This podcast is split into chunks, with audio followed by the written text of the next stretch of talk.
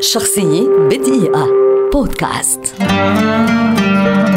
نوفاك دجوكوفيتش لاعب كرة مضرب صربي محترف منذ سنة 2003 يحتل حاليا المرتبة الأولى في التصنيف العالمي للاعبي التنس المحترفين ويعد من أفضل اللاعبين في تاريخ اللعبة ولد عام 1987 يعتبر جوكوفيتش الضلع الثالث في مثلث عظماء هذا الزمن من لعبة التنس إلى جانب السويسري روجر فيدرر والإسباني رافائيل نادال وهو اللاعب الوحيد الذي استطاع منافستهما في السنوات العشر الأخيرة فهو أحد أربعة لاعبين فقط استطاعوا التغلب على السويسري روجر فيدرر ثلاث مرات على الأقل في سنة واحدة وهو أيضا واحد من ثلاثة لاعبين تمكنوا من هزيمة فيدرر ونادال في البطولة ذاتها مرتين وهو أيضا أصغر لاعب في العصر العصر المفتوح يفوز على أعلى ثلاثة لاعبين تصنيفا على التوالي. حصل جوكوفيتش خلال مسيرته الرياضية حتى الآن على 77 لقبا منها 17 بطولة من البطولات الأربع الكبرى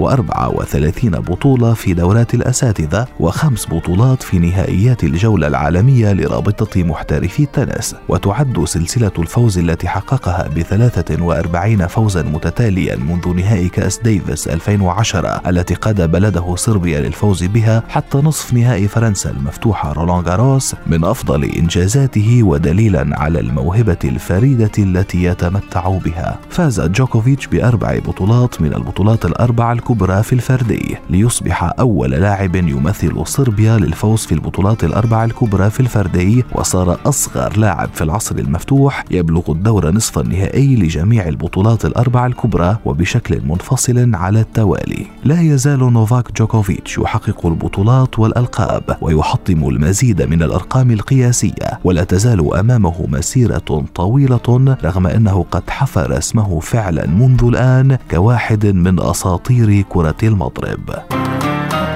شخصية بدقيقة. بودكاست.